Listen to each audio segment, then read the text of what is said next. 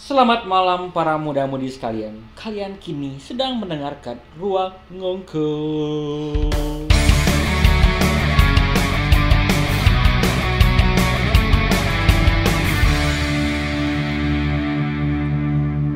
Oke, kembali lagi di Ruang Ngongkoy episode yang kedua bersama Acil dan Bucin. Halo Cil, apa kabar? Aduh, baik-baik aja, Cin. Kenapa nih? Lama nggak ketemu, ada yang beda nih kayaknya. Hah? Lah, apaan yang beda? Lebih terkenal, Oh. asik. Belum terkenal udah star syndrome, belum star udah syndrome. Oke guys, kali ini kita, eh bukan kita, kami tidak hanya berdua saja. Kami Iya. mengundang kita punya bintang tamu nih. Kita sekarang tidak ada yang ber- tidak hanya ngobrol-ngobrol berdua saja, tapi kita punya bintang tamu. Bintang. Nantikan saja segmennya.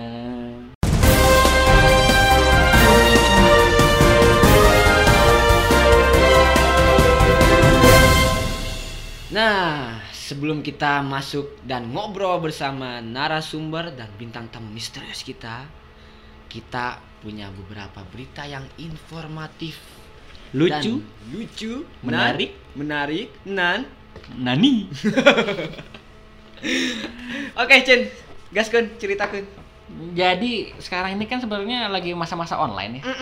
Sampai-sampai pun si ospek pun dibikin online. Ya, jelas banget lah. Dilansir ya. Ini ada berita lucu dari kumparan.com. Kumparan.com. 7 momen kocak mahasiswa baru mengikuti ospek online. Ah, tujuh momen kocak. Ala-ala on the spot kita ya Ala kali ini ya. Eh, Tujuh momen kocak. Jangan jangan bawa merek dong. Oh iya, On the spot nanti bayar. Tujuh momen kocak apa nih yang eh, terjadi saat ospek online, Ci? Jadi ini kejadian lucu yang pertama. Hmm. Ada sebuah maba, sebuah sebuah maba. Benda, sebuah maba. ada maba yang ngo- yang bikin chat di room meeting Zoom. Hmm. Apa Kak, izin bentar dipanggil tetangga disuruh pasang gas. Kayaknya emang kesehariannya emang suka masangin gas. gitu. Jangan-jangan emang punya usaha gas. Iya, di sekitar lingkungannya kayaknya yang bisa masang gas cuma dia doang. Tapi kok sampai izin-izin segala Wah, gitu. ini aneh banget nih. Kocak sih, kocak sih. Yang kedua nih, kita lanjut Hmm. Cil. Ada momen kocak mahasiswa baru itu disarapin, disarapin. Coba Disarapin. pelan pelan pelan. Bisa. momen kocaknya dia disuapin Ini pas lagi sih. sarapan sama ibunya. Ini lu ya, aku udah jadi star syndrome tuh gini ya. Ya anak biasa. sok profesional. Masa Sarapan. mahasiswa disuapin? Malu. Kali aja emang kasih sayang ibunya tidak terbatas. Kasih ibu sepanjang masa. Aye. Yang ketiga apa, Cin? Yang ketiga nih ada sebenarnya ini sih kejadian yang paling normal sih. Hmm. Mukanya itu nyatu sama background. Latar belakangnya Latar nyatu belakang. ya. Hmm. Ada latar belakang, ada sasaran, ada tujuan, Itu ada bab satu Oh, salah ya. pendahuluan, Beda, Pak. Itu beda. laporan, Beda, beda, ya. latar belakang. Bersatu dengan latar belakang itu hal yang biasa sih. Yang keempat nih, berbahaya sekali nih yang keempat. Apa tuh? Make, make cosplay karakter anime. oh Wah, my god. Ini dia. Oh my wa. Nah, Shinderu. ini bahaya sih kan di episode kemarin kita sudah pernah bahas. Alerta, alerta. Wibu akan menguasai dunia. Nah, ini dia awalnya wibu menguasai dunia tuh. Sampai-sampai jadiin filter buat ba- background Cosplay zoom. karakter oh my god. Waduh. Saking kangennya event-event Jepang kali ya. Jadi di cosplay karakter Hmm. animenya lewat ospek gitu. Ya kan? pasti wibu tingkat garis keras nih. Hmm. Apa ada apa lagi, Cin? Yang kelima nih ada tertidur pulas. Jangan kayak gitu dong, kayak on the spot. Oke, yang kelima. Eh, gimana sih? Ah, gua gak dibayar on the spot, Mas. yang kelima, kayak calon sarjana kan gitu juga. Yang kelima, Nah, gitu dong. Enak lagi lagi lagi. lagi. yang kelima Nah, kurang. Kurang, kurang. Yang, Yang- ciri khas jadi ciri khas kita. Yang kelima. Enggak, yang kalau opik. Yang kelima. Ciri khas siapa goblok? ciri khas opik. Opi kumis. Ah, aing Salah ya? jarang ngedenger lagu religi sih. Jadi Iya, gini. kurang religius orangnya.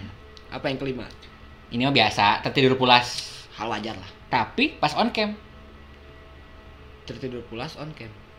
malu ya Nggak- kayaknya. Gak malu ya? sempat di off cam. Kayaknya saking ngantuknya sampai lupa nge off cam. nih.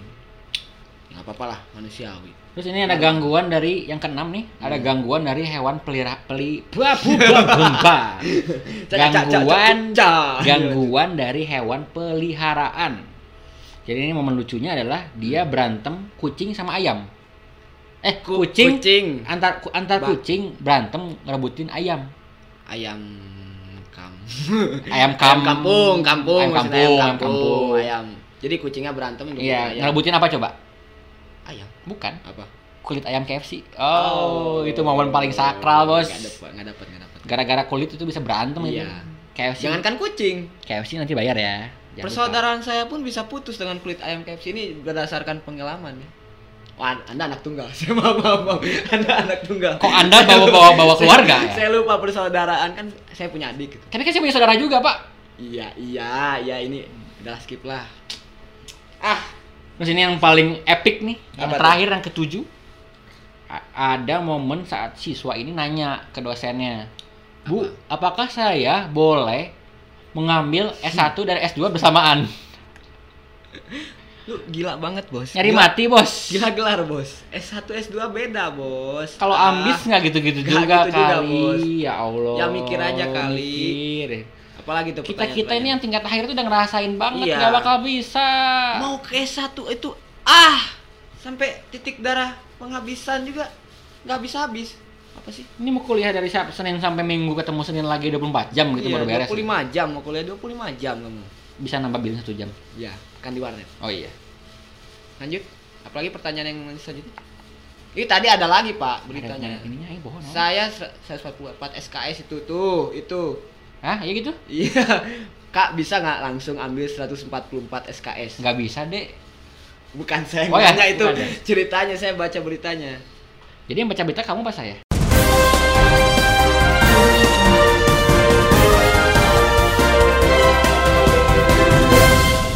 Tadi kita udah ngomongin ospek online. Sekarang Iya. yang berbau-bau universitas lagi nih, berbau universitas. kenapa nih Jadi ini pakai angka lagi kayak spot on the tadi. oh spot on the Spot on sekarang the- spot Sekarang spot nggak ada spot, nggak ada spotnya tapi spot mungkin. ini Dilansir dari indozone.com 5 f- li- Wah, saya kenapa ngomong belepotan terus? amatir amatir bisa Ini ada 5 universitas aneh di mancanegara. ah. itu baca yang komanya tuh baca Gak mau yang komanya. nggak dibaca Nanti sih. KPI menyensor. Bahaya. Baru episode pertama udah kena tegur episode KPI. 2 episode 2 Kan ini yang pertama ada Gapton Jones College of Funeral Service. Oh my God. Oh my god. what is this oh, oh, what is this Ah, oh, what is This this is a this is a epic university, you know? Epic University Epic okay, University. I, I'm, I'm sure I'm sure I'm sure what what happened what happened Let me tell you. oke Pak udah Pak Indonesia lagi Iya, capek ya. Iya. Jadi universitas ini sangat berkaitan dengan pemakaman. udah itu cerita Udah ya? horor. yang kemarin di bawah Lagi-lagi bawa pemakaman lagi. Kemarin udah sulit Kenapa pemakaman. sih ini aduh aneh banget dari kemarin pemakaman mulu dah pembahasannya Biar kita tuh inget mati, Oh, iya. inget inget tobat. iya, iya, iya juga ya Kayak siapa lagu apa? Lagu, lagu, lagu tobat tuh? opik Yang gimana? opik kumis apa yang tadi apa itu oh pemakaman iya, universitas yang ceritanya. berbau-bau permakaman. Ah, iya. lanjut lanjut lanjut Terus yang kedua ini ada Hamburger University. not hamburger hamburger Hamburger. Jadi ini adalah universitas milik restoran McD. oh Mac oh McD punya universitas sendiri Ah, Di Chicago ya? Di- Chicago. Di, Ci- Cicago. Chicago tapi ini hamburger university kalau disingkat jadi hayu Oh, hayu? Hau, hayu. Oke. hamburger universitas hayu. Ya, dasar Kan drakors. Universitas Islam Bandung Unisba. Ini hayu. Udah Ya, ngomongnya. iya, iya. Lanjut. Jadi universitas ini dia dirancang untuk memberi pelatihan untuk para personel wow. McD. Intinya inti berarti sarjananya SMCD. SMCD, SMCD. SMCD keren keren. Ya, gitulah. Jadi yang ketiga lanjutnya ada Deep Spring College. Hmm, Dikirain deep talk. gitu. Hmm. Aduh, deep talk lagi, deep talk lagi. Kamu kan orangnya suka curhat dan suka galau, jadi deep talk mulu. Deep. Spring College apa nih? Jadi universitas ini dia itu sebelum kuliah Hmm. para mahasiswanya harus memerah susu sapi. Oh, susu sapi. Susu Asik sapi. dong. susu sapi. Terus menyiapkan makanan sama membantu sapi melahirkan. Wah, asik banget di tempat kampus nih. Jadi kampus susu. kampus ini susu apa? Susu Sapi. sapi. Kampus ini jadi dia emang sangat Hmm. berkaitan dengan alam konsepnya. alam banget. Alam. Yang keempat ini ada Ohio College of Clown Arts. Oh, apalagi nih? Clown, clown ini kayaknya, Kayaknya badut, badut, badut. Universitas yang sangat berkaitan dengan sirkus, pameran, ulang tahun dan festival lain-lain. Hmm. Oh, lulusnya jadi joker gitu. Eh, Aduh. orang yang orang baik yang tersakiti dong. Oh, tadi ini Kayak kamu. ah, Pak, udahlah, skip lah. Ini para pendengar nggak tahu ceritanya gitu. Ini Mau- tadi Ohio ya? Mau tahu ceritanya? Nantikan di cerita kita. Ini tadi Ohio ya? Ohio. Kalau di sing- kalau di plesetnya jadi Ohio. Gak masuk. Gak masuk. Saya menyesal Pak berbicara seperti itu. Saya Penyesalan emang selalu di akhir. Nggak apa-apa. menyesal. Yang kelima, ini yang paling epic. dia. Universitas Porno. Tit. Nah, jadi Kenapa nih? tapi ini nggak disebutin dia ada di mana. Oh disebutin. Jadi ini di Ada ada kota aja. Medellin. Jadi ini Kolombia. untuk aduh kayaknya saya agak berat hati menceritakannya. Kenapa tuh? Jadi universitas ini untuk bisa orang-orang yang mahir dalam Oh, pornografi. pornografi. Udah kita skip aja Ya, ya. skip ya. Takutnya KPI. Gak enak, Pak. Malu sama Unisba. Malu sama Unisba. udah. Unisba ini bisa-bisa Spotify kita diretas nanti. Nanti kita di suspend sama Unisba lama-lama nih. kokang, eh dikekang. Kok dikokang? dikekang. Gara-gara porno kok inget kokang sih. Iya, iya. Cil. Apa Cil? Seperti tadi yang udah orang bilang di awal bahwa sekarang di episode kedua ini kita kedatangan bintang tamu spesial. Wah, siapa nih bintang tamunya nih? Mau-maunya datang ke ruang ngongko. Kan tanpa bayaran ini, Pak. Padahal, datang. padahal kita tagnya siang hari kok ada bintang ya? Iya. Ya udah, siapa? Kenalin Cin bintang tamu yang akan datang di ruang ngongko ini. Siapa? Mudah-mudi bintang tamu kita ini adalah sekarang Abah Idam. Wih, Abah Idam. Tepuk tangan untuk Abah Idam semuanya. Tenenenet, tenenenet. Abah Idam ini, FYI buat kalian semua, Abah Idam ini merupakan ketua himpunan HMTPL yang ke-26. setengah Setengah ya, Pak ya? Tuh. Berarti nanti kalau di foto, fotonya cuma setengah juga. Halo, Bah. Apa kabar? Alhamdulillah baik Assalamualaikum. waalaikumsalam warahmatullahi wabarakatuh nah ini enak Salam, baru salamnya kok terakhiran, Pak. Lebih baik telat daripada tidak sama sekali. Ya kita ngobrol-ngobrol aja lah, Balah. Hmm. Ngobrol santai-santai aja karena ini eh, judulnya ruang ngongko. Jadi kita ngobrol sambil ngongko.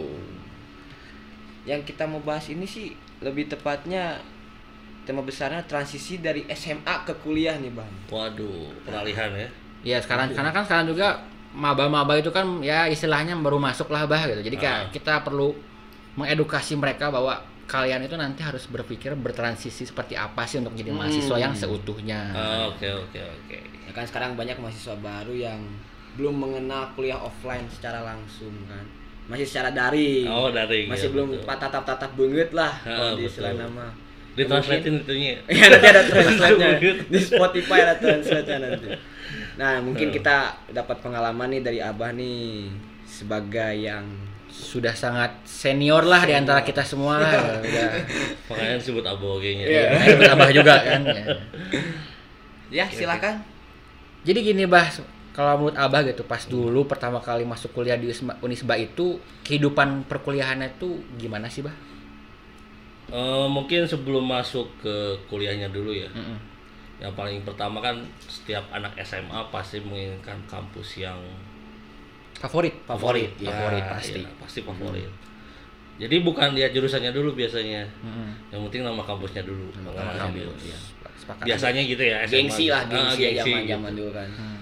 terus bukan zaman dulu aja sampai sekarang Sampai juga sekarang ya, iya. pengen kampus yang berkualitas Iya. gitu nah tapi kan rata-rata anak SMA itu nggak diarahin misalnya gini perbandingan orang yang niat karena masuk ke jurusan dibanding kampus itu persentasenya lebih banyak yang lihat nama kampusnya Hmm. Daripada yang lihat jurusannya Berarti orang pertama kali untuk masuk kuliah dia lihat dulu brand kampusnya. kampusnya biasanya ya Hmm. gitu makanya kalau yang serius mah lihat dari jurusannya Iya. jadi kan bukan terletak di mana kampus itu berada tapi ilmunya apa yang paling penting gitu Hmm.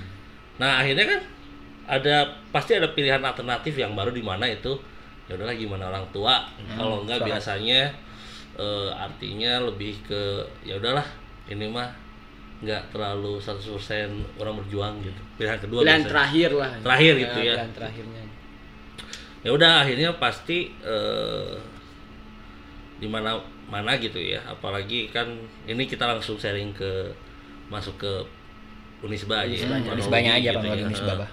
intinya kan rata-rata dan termasuk abah juga adalah orang yang masuk Unisba karena pilihan terakhir. Hmm. Kayaknya semuanya sih, Bah. oh iya hampir ya? Hampir semuanya seperti itu. gitu mungkin jadi pilihan terakhir gitu. Tapi eh, melihat jurusannya ini yang sedikit lucu karena eh, pilihan pertama itu planologi pilihan kedua Vkom. Oh Vicom Eh, oh ditanya sama yang nguji kan ini bener nggak pilihan? Urutannya bener. Bener. iya otomatis jadi masuk planologi. Makanya NPM abah paling atas karena ya pilihan pertamanya planologi gelombang satu malah Oh, gelombang, Oh, gelombang satu. satu. Oh, dan berarti kalau gelombang satu dan niatan dong. Mas.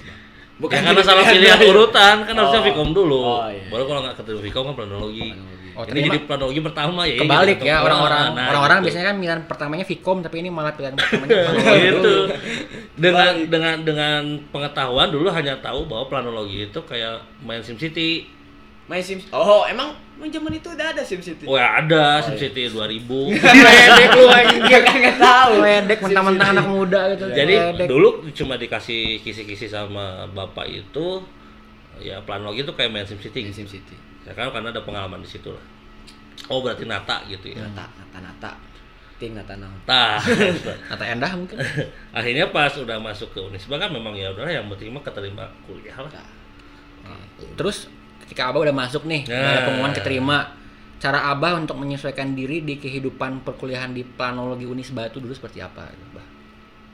Ini yang pertama soal kultur ya, Kultur. teknik terutama nih. Karena si planologi ini masuknya fakultas teknik, Hmm. jadi kan seolah-olah eh, teknik itu identik dengan keras. Teknik keras bos. keras, bos. Oh, teknik Pasti. keras bos gitu. Misalnya. Terus didikan itu.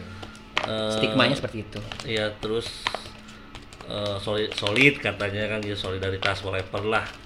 Jadi mana ditonjok KB kudu nonjok gitu.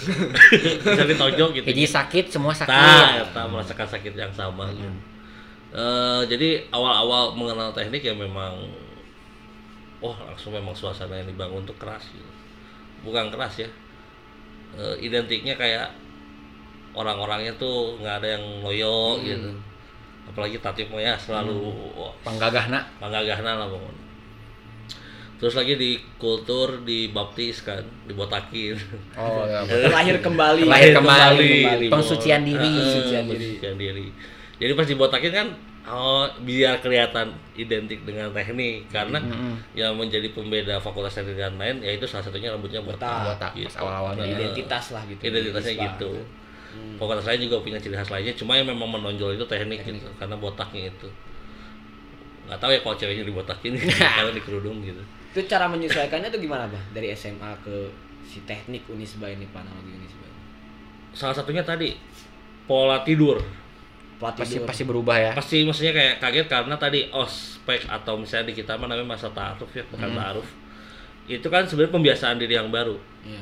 Jadi yang biasanya SMA itu sangat linear jadwalnya ini kan kalau di kampus dinamis banget Dinamis, ya, ya. gitu jadi ya jam segini ada siang kosong sore Ah, ada gitu. atau sebaliknya atau Iya. pokoknya jadwalnya tidak beraturan lah tapi memang ketika masa ta'aruf itu kan dibimbing memang melalui prosedural untuk kita apal nih artinya ketika oh ini kok tugasnya banyak banget dan memang habitnya di situ Hmm. misalnya contoh ya kakak-kakak pembimbing yang ngasih tugas nih buat besok edan banyak pisan ini ya sampai yang makanan teka-teki dan lain sebagainya gitu ya Iya. bikin name tag terus juga wah banyak aturan lah ya oh ternyata itu sebagai pembiasaan diri tadi Nah, itu. Iya. jadi masa taruh itu bukan sebenarnya bukan dipandang hanya ajang menyiksa bukan, Iya. tapi untuk melakukan pembiasaan yang baru dengan metode ya tadi simulasi kecil sebenarnya masa taruh tuh. Gimana sih selamat datang di dunia yang memang sangat dinamis. Terus juga satu sisi kita dituntut untuk adaptif tadi ya, Hmm, karena adaptif, kultur tadi kultur yang tiba-tiba bedak gitu. Atau mungkin nggak semua orang punya pengalaman yang sama di SMA ya, misalnya ada SMA-nya yang memang Udah udah, keras dari awal gitu ya mesti kan? aneh Iya. gitu. Tapi misalnya ada beberapa SMA yang memang nggak caranya pendekatan seperti itu kaget gitu kan. Tapi memang bagusnya masa ta'aruf dulu fakultas teknik itu sebulanan lah. Sebulan. iya. Karena eh, pas juga momentumnya lagi bulan puasa Waduh, diujinya Oh, dua kali diuji lipat. dua kali Dua lipat, kali lipat ya? Nah, Diuji. jadi batin sama hidung Iya, gitu kan di- Aduh. kan disungut di sini tati teh Oh Kan iya. Face to face-nya Ah, itu. ada aroma-aroma Ada yang aroma terapi yang enak gitu ya. Aroma terapinya enak sekali. ada aroma yang belum makan ada, ada aroma amer ada anjing iya set, puasa cek kurang teh ya misalnya di situ kaget karena mungkin kulturnya baru Iya. maksudnya kan ini sebagai pembelajaran aja ya gitu dan memang zaman dulu dengan zaman sekarang berbeda pasti beda. Gak bisa disamaratakan. Ah, betul jadi karena dulu fakultas teknik sebulan jadi setidaknya kita punya kenal dekat dengan anak-anak tambang maupun TI jadi nggak ada terlalu pergesekan yang terlalu ini lah Ya. karena satu bulan tadi nah baru pas Ke pindah jurusan. ke himpunan, Himpunan. heeh, dialih dialihkan dari teknik ke himpunan disangka udah selesai Eh, taunya ada neraka lagi. itu teh Kagetnya. anjing Eh. neraka dua kali lipat tadi gitu Baru Pasti banyak yang kayak ada ucapan welcome to the jungle-nya. tuh. Heeh, gitu jadi tadi teh baru pintunya rawa gitu iya asupan Iya, rawana. rawana gitu karena mungkin set- kurang lebih setahunan mbak jadi memang sebenarnya eh, dengan metode yang sebenarnya ya karena dua kali yang tadi ya jadi si pola pressure-nya lebih tinggi juga gitu. Tapi memang meskipun notabene-nya mungkin dulu ada ada sempat kekerasan ya gitu. Kayak dulu nggak aneh ketika digaplok ya. Hmm. terus misalnya dicaci maki disebut ayam sayur lah kalau dulu mah, gitu. Bawah tanah. Tapi bah intinya maksudnya sekarang ini kan stereotip orang bahwa mikir yang angkatan-angkatan maba-maba gitu. Ah, Kita tuh sebenarnya ngapain sih ikutan masa kalau sekarang namanya masa bimbingan ya, masa Ah, bimbingan dari himpunan gini-gini capek-capek doang. Emang Iya. kepake nggak sih gitu? Soalnya kalau Abah gitu bisa menjelaskan bahwa sebenarnya esensi utama kita melakukan masa bimbingan dari himpunan itu apa sih bah gitu? ya kan tadi kata kuncinya bimbingan bimbing itu artinya hanya sekedar untuk mengarahkan bimbingan itu Iya. gitu. Dan istilahnya masa bimbingan ini kan kalau apakah tadi pertanyaan dipakai atau enggak sangat dipakai Hmm. kayak contoh ketika nanti mungkin saat teman-teman masuk ke satu perusahaan pasti kan di training dulu Iya. Training itu kan masa bimbingan sebenarnya Nah, mungkin masuk perusahaan yang langsung jadi CEO. mungkin kan. mungkin jadi. ya kan jadi training Bisa. dulu. Tapi kalau lewat orang training dalam bisa. Masa ada interview CEO? Nggak Kalau- ada. kalau orang dalamnya bapaknya? Di perusahaan mencari CEO nggak ada lah gimana? Ya, kalau orang dalam bapaknya mana ada yang saya tahu. Iya. Oke, Oh, baik itu. bisa bisa oligarki berarti Iya. Iya terus eh ya jadi karena bimbingan tadi yang penting kata kuncinya adalah apakah bimbingan ini dapat diterima oleh si orang yang baru tadi Hmm. Nah itu. gitu itu yang paling penting yang makanya dibikinlah program atau kurikulum yang memang mengarahkan mereka menjadi apalah gitu misalnya sesuai dengan tema tema bimbingannya. PMB-nya Ya, gitu ya gitu masa bimbingannya gitu makanya jangan sampai judulnya ke mana yang diisinya ke mana gitu atau jangan jangan itu dibalut doang judulnya gini isinya mau wah Oh, gitu terasa gitu. Keras kayak gitu, gitu, gitu. gelut, gelut.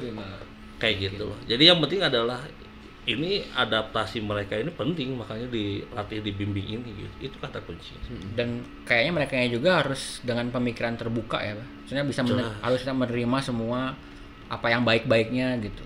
Eh, bukan baik-baiknya aja ya yang buruk pun kita harus bisa ambil hikmahnya karena kayak tadi ya eh, abah baru mikir gini ketika baru kita merasakan akhir PPMB baru ngerti kenapa ini ada gitu Iya. biasanya ya Iya, jadi saya juga gitu, Bang. baru-baru ngerti oh ini yang makna PPMB pas di akhir terasa, tuh ya. gitu baru kerasa Emang nggak bakal instan kerasa kan ya. Heeh, gitu jadi memang ketika tadi bentuk eh, si adaptif tadi kan kita baru ngerti satu oh loyalitas tanpa batas teh ya Mm-mm. oh yang jadi jargon teh kan terus Loyalitas apa- tanpa batas. bangun kota tata Tata desa kota, bangun eh, desa. tata- Kota bangun desa, Eh, kota-kota bangun balik desa. dikit Iya, Apa-apa, iya. Bang. jadi ya istilahnya eh, itulah yang jadi adaptasi mereka kan. Oh oh kita punya jargon. Hmm. terus wah himpunannya begini gitu ya. Keren lah gitu. Jadi dulu sih auranya keren-keren pengurus itu. Jadi yang ngospek teh anjir garaga kamu malah ke jahim ya. Ini preman deh jadi kan wah anjing sih gagah gitu kalau orang pakai jahim itu gitu. Jadi pengen gitu kan. Eh, karena perjuangannya nggak mudah gitu. Iya. coba kalau misalnya hanya Iya jaket nes nyokotnya Nah, kan- di itu tah misalnya di Nah. ruang himpunan lah Nah, iya. nggak ada perjuangannya gitu jadi kan yang paling penting yaitu mak kamu mau nggak melewati proses itu gitu Hmm. Lalu setelah barulah melewati proses itu kita bisa evaluasi kan Iya. oh kieunya ternyata PPMB teh gitu Biar ada rasa pride-nya juga ya, Bah. Mm-mm. Rasa kebanggaan. tapi rasa pride itu memang harus dibangun oleh kakaknya itu sendiri ya harus mencontohkan yang ya kalau mau maneh eh, berbuat seperti ini karena aing ngelihat maneh gitu ngerti nggak Yang ngebimbingnya dulu yang harus benar. Iya. Yang jadi- bimbingnya juga harus pride juga dong Iya, ya. misalnya kalau misalnya contoh kalau mabanya kacrut, yang disalahin bukan mabanya tapi Iya. kakak pembimbingnya siapa waktu itu. Kayak gitu loh. Iya. Makanya itu penting semuanya gitu. Adaptasi tadi. Oke, Bah. Kalau gitu kan dari sisi personal pribadi lah gitu. Kalau misalnya dari sisi bagaimana kita memulai pertemanan dengan teman-teman baru kita di perkuliahan itu gimana, Bah? Nah, dulu Hmm. persentase antara orang Bandung asli sama pendatang itu 60-40 Lebih banyak orang Bandung. Orang Bandungnya atau pendatang. Oh, pendatang lebih banyak. Terutama. Apalagi angkatan 2008 itu dari Aceh sampai Papua ada. ada. gitu jadi eh, di angkatan akang sudah mulai hampir ya eh, sekitar 50-50 lah hampir sama gitu makin ke bawah ya makin banyak Makin kurang. Bandung sekitarnya lah. Bandung sekitar. tapi maksudnya adalah adaptasi tadi misalnya bagaimana kita melihat pendatang ini sebagai tamu yang harus kita hormatin Hmm. jadi kita harus hargai dan begitu sebaliknya Ya. mereka Kita tuan rumah lah gitu kan. Iya gitu. Prosesnya eh gambaran ilustrasi sederhananya kayak gini loh. Proses bertamu gimana sih? Iya. Kalau tamunya sopan, ramah, nyaman, enak gitu ya. Iya. Pasti kita juga enak kan? Nyambutnya juga lebih Nyambutnya enak. juga lebih Enak. enak gitu. Misalnya eh bayangin kalau misalnya si tamunya teh beledagan ya. Hmm. Masuk ke ketok langsung buka, duduk, nyokot we dahareun. Gimana tuan rumahnya jadi merasa nyaman gitu loh. Ya. Tapi balik juga ke tuan rumahnya sih, Bang. Ya, Kayak itu. tuan rumahnya juga harus Betul. siap me- Semua harus ada tamu. proses proses eh, ininya dulu ya gitu ya. Jadi ada proses penerimaan tamu dulu lah Ya. gitu. Ada adab lah ya. Nah jadi makanya yang paling penting adalah kita saling bertukar kultur tadi. Gitu. Abah waktu awal-awal ospek justru satu semester itu nggak di rumah meskipun rumah dekat gitu. Hmm. Ya, di karena di kosan teman-teman. nah, di kontrakan anak-anak aja di base. Untuk Biar- pengen tahu nih Hmm. gimana sih cara biar nyatu ini. Hmm. Proses Karena bondingnya berarti. proses ya? bondingnya di situ karena waktu itu kan memang semester satu langsung kita punya tech press Oh iya. Iya, Jadi press. yang pertama tech press. untuk ya untuk bisa mengkomunikasiin satu frame dulu nih Hmm. gitu di Ya, tech tag press ya. Kalau sekarang apa sih? Kalau sekarang itu namanya. Cafide. Cafide. Studio 1 sekarang Eh, namanya. Studio Studio satu ya. Studio satu. komunikasi Visual dasar. visual dasar ya. Berarti Iya. nih Bah, tadi kan kita udah jelasin dari sisi personal dirinya dan dari sisi pertemanannya. Heeh. Kalau bisa disimpulkan gitu, sebenarnya perbedaan yang mendasar gitu antara siswa dan mahasiswa itu apa, Bah? Menurut Abah? ini juga sebenarnya bukan hanya versi abah ya abah hanya mengumpulkan banyak informasi Hmm. sehingga menjadi satu definisi lah jadi mahasiswa itu kan yang paling sering teman-teman dengar juga kan definisi maha itu sendiri Ya, maha paling. Nah tuh kan udah dijawab Maha, juga yang siswa. paling gitu kan. Hmm. Siswanya ini sudah ada belum yang bisa menerjemahkan itu gitu kan. Hmm. Kalau menurut di KBBI sih siswa itu definisinya orang yang belajar kan Mm-mm, orang belajar. gitu. Tapi kan pertanyaannya belajar lo bisa di mana aja Iya, Iya. sepakat. ya kan? Oh ternyata ada lagi siswa dalam artian lain di dalam kalau nggak salah ya ketika itu tuh Ki Hajar Dewantara kalau nggak salah ya, Iya. tapi kejadiannya di Jawa siswa itu asal dari katanya wasis Wasis. Nah, wasis itu artinya sudah mampu Mm-mm. Sudah mampu. Nah, wasis dibalik jadi siswa kan artinya jadi kita belum mampu Oh. Jadi harus belajar Iya, agar jadi harus mampu. belajar agar mampu Hmm, gitu kan makanya itu definisinya adalah oh ternyata kalau diambil KBBI kayaknya nggak cocok nih. Masa kayak orang yang paling mencari belajar gitu ya Mm. jadi orang yang paling belajar gitu ya belajar mah kan bisa mana yang umur 50 tahun ini Iya, tetap bisa belajar masih bisa belajar selama kenal mana hidup lah ya gitunya oh makanya yang diambil adalah definisi si siswa tadi adalah orang yang paling tidak mampu ternyata Oh. Kenapa? Makanya perlu adanya ilmu gitu ya, Hmm. menjadi mampu gitu. Nah dari mahasiswa ini lanjut nanti ada yang namanya wisuda, ya kan? Nanti teh akhirnya di wisuda. Gitu wisuda itu apa kan ada banyak orang yang mendefinisikan wisuda itu mah ya seremonial perpisahan Perpisahan. pelepasan wisudahan gitu kan padahal wisuda itu teh ada a- makna yang lain ternyata Apa tuh, gitu. Bah?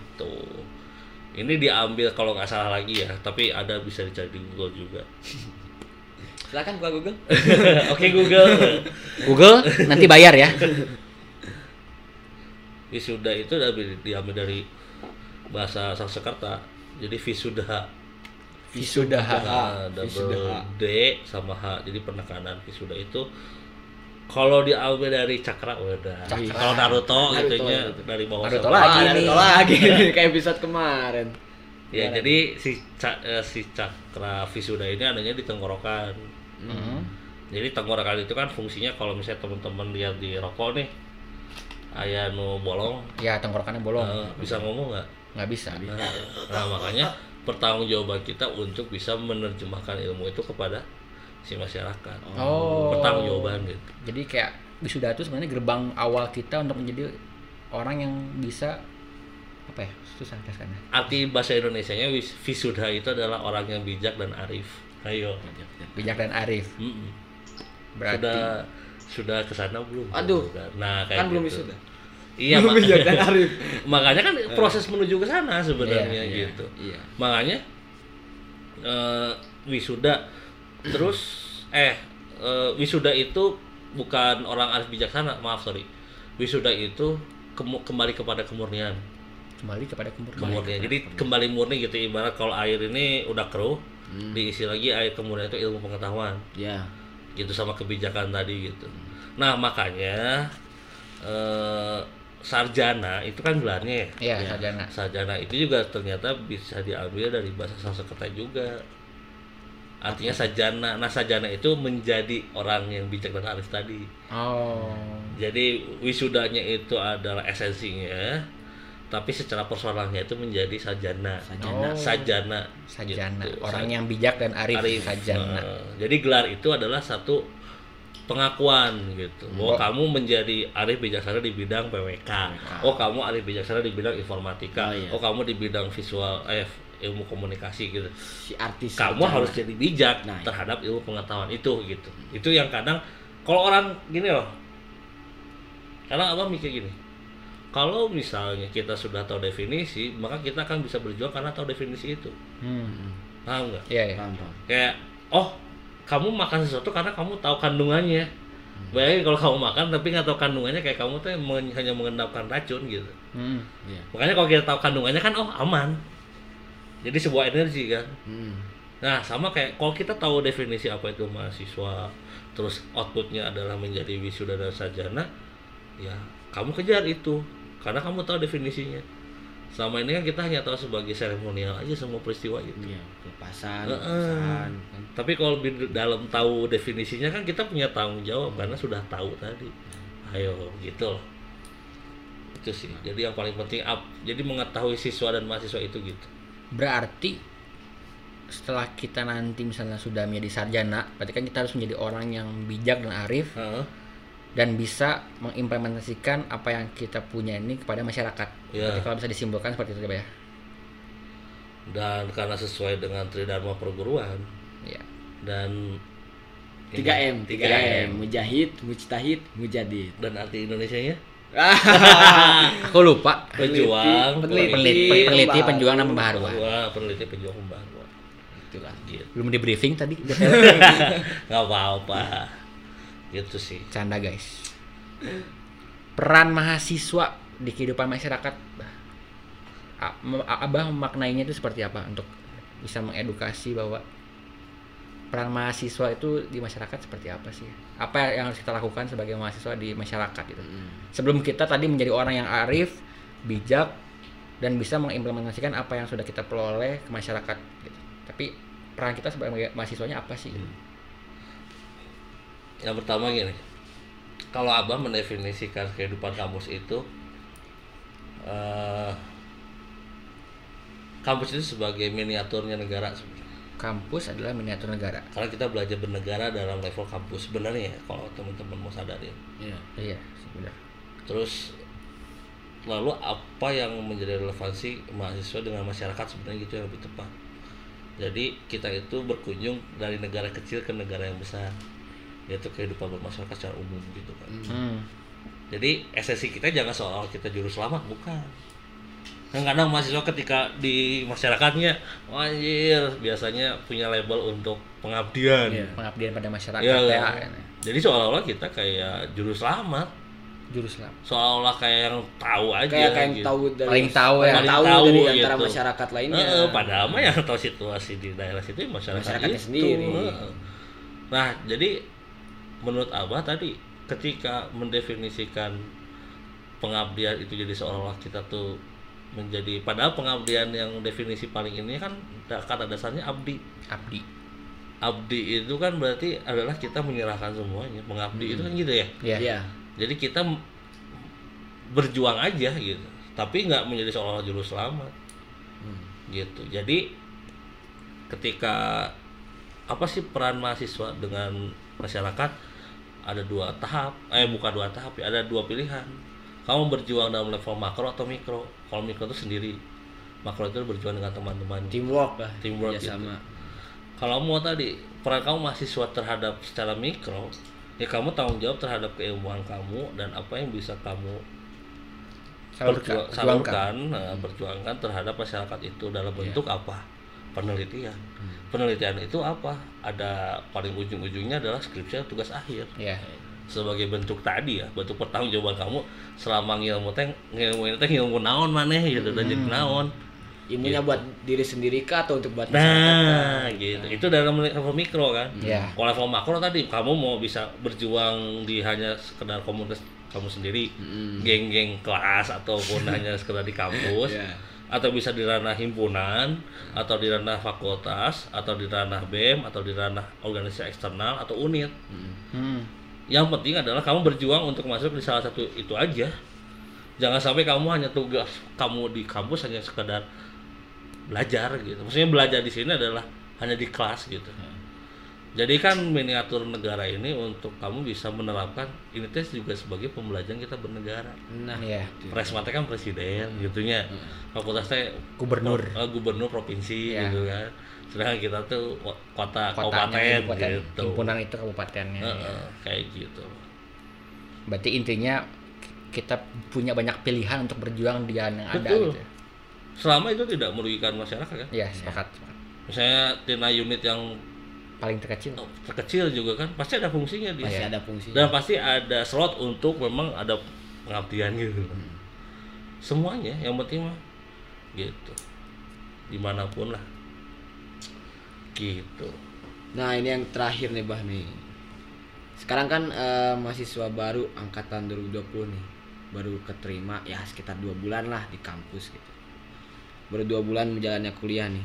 Barangkali abah ada saran nggak sih untuk mahasiswa baru nih yang sedang mengalami transisi tadi dari siswa ke mahasiswa? Ada saran nggak nih? Apalagi sekarang mereka mengalaminya secara online ya, Bah. Ya. Pasti bakal beda lah gitu untuk adaptif tadinya itu gitu. Kalau menurut Abah gimana tuh bahasannya, Bah?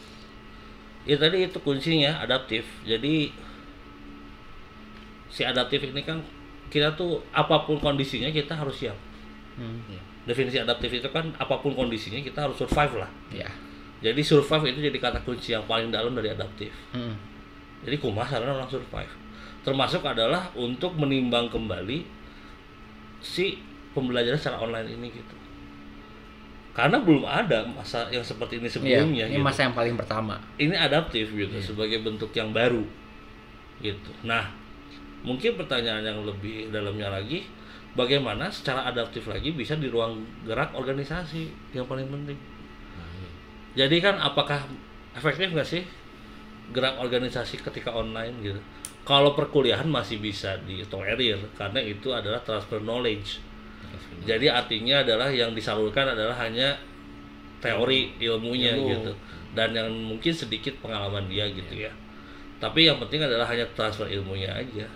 Nah, organisasi kan bicaranya penerapan. Ya. Sedangkan kalau online terus nanti bicaranya Nah, tapi sebenarnya gini. Di sisi lain, seperti adanya podcast ini, itu sebagai bentuk alternatif dari adaptif tadi. Bentuk lain untuk mengedukasi. Betul. gitu dengan cara podcast dengan menghadirkan orang-orang yang memang tadi eh, punya kompeten di bidangnya masing-masing gitu ya. Iya. Cuma pesan abah yang paling penting adalah untuk mahasiswa baru 2020 yang paling pertama kemampuan adaptif teman-teman di sini sangat diperhitungkan Tuh adaptif teman-teman. gitu. Kemampuan adaptif yang kedua adalah teman-teman memang sudah diajarkan sedini mungkin untuk sebagai eh, seorang planner calon perencana. Jadi dengan kondisi adaptif ini kan kita harus bikin satu skema atau rencana kegiatan apa pun sebenarnya makanya Abah itu lebih senang mendefinisikannya planologi daripada PWK. Kenapa? Karena de- mendefinisikan planologi itu jadi luas skupnya gitu. Mm-mm. Sedangkan kalau PWK kita hanya dibatasin ruangnya wilayah dan Dan kota. Kota. kota. Gitu. Sedangkan kalau misalnya definisinya Planologi. eh, planologi aspek apa pun sebenarnya kudu planologi Masuk, iya. masuk Pasti. gitu. Semua Jadi eh, jadi teman-teman ini belajar untuk berencana dari yang dari yang hal yang kecil paling penting gitu. Terutama tadi kamu sekarang selamat datang di bentuk adaptif yang baru. Termasuk transisi dari SMA ke kuliah tadi yang sangat dinamis. Baik orangnya, ilmu-ilmunya, proses bimbingan dan lain sebagainya gitu. Gitu sih. Berarti challenge-nya juga buat mahasiswa baru 2020 ini lebih berbeda daripada kita-kita yang Iya. misalnya angkatan 19 ke atas ya, Be. Mm. Karena yang mereka harus adaptif juga dengan kondisi transisi dari siswa ke mahasiswa dan mereka juga harus adaptif dengan kondisi online sekarang. Iya. dengan ruang yang terbatas gitu. Iya. Tapi mereka harus bisa mencari ilmu yang tak terbatas. Nah, itu Betul. Jadi berkarya mah di mana wae bisa. Cuma masalahnya adalah doakan saja semoga ini tidak lama lagi lah. amin amin. Amin, ya Tuh, Allah, kangen banget kampus sumpah. Wah, gitu lah. kampus. Kangen nongkrong sama Acil. Jadi yang pertama yaitu proses adaptif yang paling penting.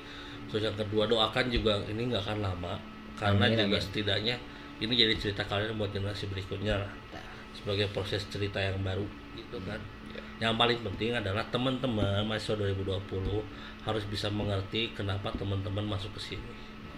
Harapannya adalah nah dengan kakak-kakak yang ada di sini itu untuk membimbing bahwa kalian itu di sini akan menjadi apa. Salah satunya adalah tadi ingat waktu yang dulu rumus Oh, rumus eh, Empat- tahapan, empat mas- tahapan. mahasiswa di Eh. PL itu ya. Pada intinya adalah mahasiswa baru ini kan masih tanah gembur nih. Mungkin sekalian bisa ngasih tahu nih, Bah, apa sih rumus itu, Pat, rumus ini? Jadi sekalian Sekalian gitu. aja. Nanti kasih tahu, Bang. dibikin buku teori teori of abah Nggak, jadi intinya empat tahap ini kan sebenarnya kalau teman-teman sering lihat proses menanam aja ya Mm-mm. kan dimulai dari kita memilih tanahnya dulu dong Iya, tanah. media tanah apa yang subur gembur gitu ya karena akan ditanamin nah si mahasiswa baru ini kan bibitnya sebenarnya Hmm, Mm-mm. sedangkan si pupuknya atau tanahnya ini kita himpunan Iya. yang mewadahi. iya gitu ya karena jadi media tanahnya medianya. utama yang untuk mengembangkan itu gitu Iya. nah si biji-biji eh si biji si Bibit, bibit. bibit tadi Biji. Kok biji ya? Biji kan apa? bijinya bentuknya kecil gitu bibit-bibit ini eh bisa nggak sih gitu menjadi satu varietas tanaman yang memang bisa menghasilkan produktif Mm-mm. Makanya tahap satu itu tanah gembur dulu deh Tahap satu tanah gembur. gitu jadi masih dipupuk gitu tahap dua kan baru tadi muncul batangnya Batang-batang. gitu kan. Batang-batang. Tadi biji sekarang batang nih. Biji batang aduh. Kan 18 plus Tanah ini mana? benar 18 plus ya. jadi eh, batang tadi ya sebagai masih proses belum bisa diambil kan Iya. Iya. gitu jadi masih bentuknya juga oh udah mulai muncul nih artinya bakat mereka tuh apa gitu Udah mulai teraba udah lah. Hmm. mulai kelihatan nih gitu kan Tadi biji batang teraba. rambut dan kelihatan Kok jadi salah fokus gini? Jam-jamnya. Iya, iya. Jam malam. jam malam jadi eh, dari situ udah muncul langsung dari tunas ke batang terus sudah mulai muncul nanti daun dulu kan Oh, daun. daun itu yang tadi menjadi stream lah Berarti daun itu tahap ketiga. tahap ketiga udah tahu nih mau ke mana Penjurusan. jurusannya tasi TA iya buah nah Nah, hasilnya itu. Hasilnya Hasilnya. itu. Tahap empat final. Si bibit. iya gitu bibit itu ya bibitnya jagung ya buahnya jagung Iya. mau mungkin jagung jadi tomat kan Nah, gitu iya, mungkin. nah jadi maksudnya gini setiap bibit itu punya varietasnya masing-masing Hmm. nggak bisa kita bandingin misalnya wah aing paling mana mah jelek gitu nggak bisa karena itulah memang kemampuan mereka sampai situ. Jadi itu yang paling penting. Yang penting kamu tahu kamu ini mau ditanam jadi apa dan menghasilkan apa. Harus sesuai dong. Gitu. Misalnya kuliah nu 10 tahun ya mungkin beda dengan kuliah yang 4 tahun. Tapi mungkin ada beda yang lainnya juga gitu. Jadi tapi bukan berarti siapa yang paling bukan. Yang penting oh pengalaman orang itu beda-beda. Nggak bisa kita sama ratakan Nggak bisa sama rata yang penting outputnya sama-sama punya nilai kebaikan manfaat gitu loh si buahnya itu lah nah buah tadi bisa dimakan tuh percuma buahna aya tapi hasil menurut muntah aya laler ataupun aya belatung gitu Iya. kayak gitu loh Iya. Inti dari semuanya adalah menghasilkan kebaikan. iya jadilah buah kebaikan dan manfaat itu sendiri asik Ya, quotes itu masukin ya manis. quotes Kebaikan dan Bah manfaat. idam 2020 Asik. yang baru lulus ya nggak usah masa yang baru lulus Kayak- ya paling Ah, kita sudah ngobrol tak terasa sangat sudah lama lama sekali nih aduh hampir setengah jam dan pasti banyak ilmu yang bisa diserap oleh nanti Iya. teman-teman yang mendengarkan Untuk podcast baru. ini apalagi Mahasiswa baru. terkhusus untuk mahasiswa baru dan Hmm. untuk yang mahasiswa-mahasiswa sudah lama bisa lebih memaknai peran kalian sebagai mahasiswa itu apa sih? Iya. Iya. Dan juga nanti buat yang sekarang lagi tingkat-tingkat akhir ini bisa lebih memaknai kalian nanti sebagai sarjana itu harus seperti apa dan memaknai kalian itu wisuda itu harus seperti apa pada masyarakat. Betul Eh. sekali. Setuju sih sama bucin kali ini? Karena best lulus kalian jadi masyarakat lagi sendiri. Gitu baik. Itu dia. Oke bah masyarakat ke masyarakat. Sepakat bah buat abah. Dari semua pengalaman yang abah salurkan. Ya, gimana cil masih Makasih puas kan ngobrolnya? Kayaknya belum puas ya? Masih belum puas sih mungkin di lain kali ya di Iya, lain betul. tempat lah kita ngobrol-ngobrol lagi Siap, lebih siap. banyak ya. Makasih juga udah diundang. Makasih juga bah sudah bisa memberikan luang. sebuah ilmu yang bermanfaat untuk kita. Amin. Perjalanan sangat jauh kan dari Dagogiri ke sini. 4 jam mungkin perjalanan. Sangat jauh sekali. Ngomong apa kamu? Ya anggap aja kita lagi jauhan gitu. Ya bah mungkin nanti kita samakan lagi waktu lah untuk ngobrol-ngobrol. Betul betul Oke kalau gitu bah terima kasih atas waktunya sudah bisa menyempatkan waktu hadir di ruang kongko ini. Ruang sama-sama sehat ruang kongko bersama Bucin Acil dan kali ini ditemani oleh Abah Abah Ida. Sebagai gestar. Ye tepuk tangan anak-anak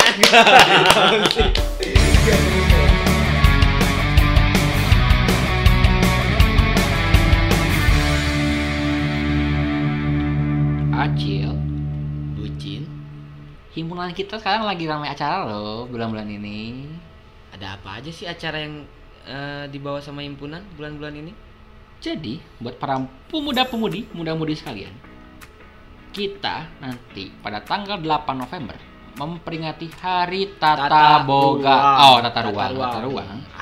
Kita mengadakan kajian dari sebuah per- dari perspektif mahasiswa terkait omnibus law terhadap implikasinya terhadap eh, dokumen tata, tata, Tata ruang ruang. dan perencanaan. perencanaan berkaitan dengan tata ruang dan perencanaan Iya, apa jadi- sih ngaruhnya omnibus law dengan keterkaitan dengan tata ruang Makanya nanti perencanaan makanya nanti hadir tanggal 8 November buat kalian semua. don't forget oh And then we have sasan sasan Inggris, sasan Inggris. Kamis English Kamis English. Dan kita juga bakal ngadain acara Arkana Festival Jadi kalian udah siap ajeb-ajeb bareng nanti dustak-dustak dustak bareng. dustak dustak bareng siapin Insya Allah bulan tahun depan tidak akan postpone lagi ya. amin ya Allah amin dan Untuk- kalian Untuk itu kita membutuhkan panitia-panitia mm-mm. dari seluruh masyarakat PL yang ingin Iya. berkontribusi. Silakan bisa daftar dan join di Arkana Festival tahun 21.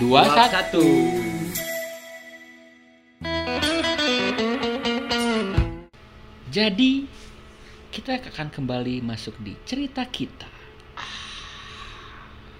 Tapi cerita kita kali ini tidak akan horor, tapi akan sedikit lucu, tapi ada horornya.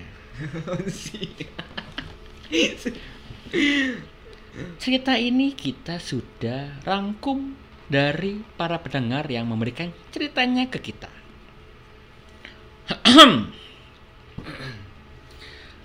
Kejadian ini pas aku lagi TK.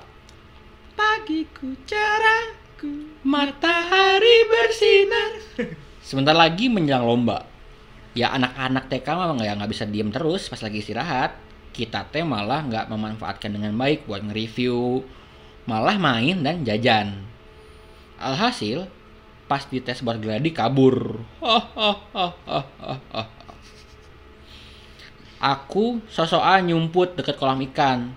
Taunya salah injek dan jadinya kecebur.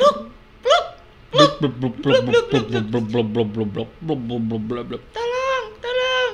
Tim SAR, tim SAR. Malu banget sih, soalnya satu gedung ngeliatin dan otomatis nangis plus malu.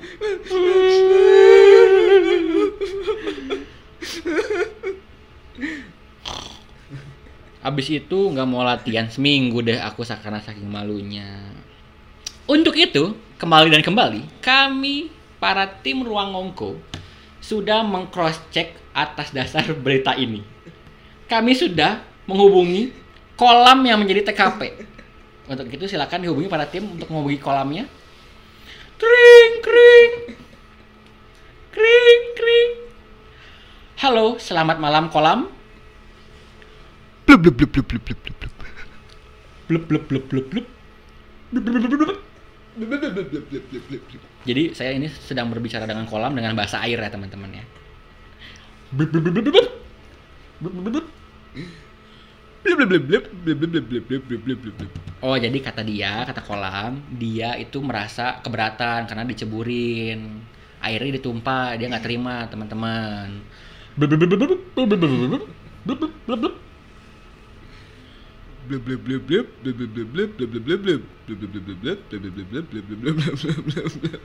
Jadi kata dia juga, nih ya aku aku terjemahin ya. Katanya yang kecebur itu bau katanya belum mandi, jadi akunya kebauan kolamnya. Capek banget. Capek ya? Capek ya? Capek. Apa? Gak ada faedah-faedahnya ceritanya. Aduh. Kamu nih kenapa sih selalu saja mengganggalkan gimmick-gimmick kita sih? Ya masa Aing diwawancara jadi kolam gitu. Kemarin Aing jadi sosok hitam aja udah nggak sanggup apalagi jadi kolam apa? Gimana cara ngomongnya? Kita gimana tektoknya gitu. Ini pakai bahasa air. Gak ada faedah-faedahnya ceritanya. Tanyain penjaga kolamnya kek, temen TK-nya kek, tukang jajan kek. Nih, namanya juga ruang ngongko. Kita mengcross kita mengcross check dari sisi Ah. perspektif yang berbeda, lain dari yang lain. Oke, gitu. Terima kasih buat teman-teman yang sudah mengirimkan ceritanya. Dan tak terasa kita sudah di penghujung. penghujung ruang ngongko. Kita kembali lagi di Kamis malam selanjutnya. Jangan lupa stay tune. Dan saksikan kami di, kok saksikan sih? Dengarkan kami di Spotify, podcast Ruang Ngongko bersama Acil dan Bucin. di minggu depan di malam Kamis Jumat bla bla bla bla bla di Kamis minggu depan bla bla bla bla. di Kamis malam minggu depan stay tune see you on top Assalamualaikum Waalaikumsalam warahmatullahi wabarakatuh. Saling sis. Pak Bum. Insaflah wahai manusia Jika dirimu berdosa Dunia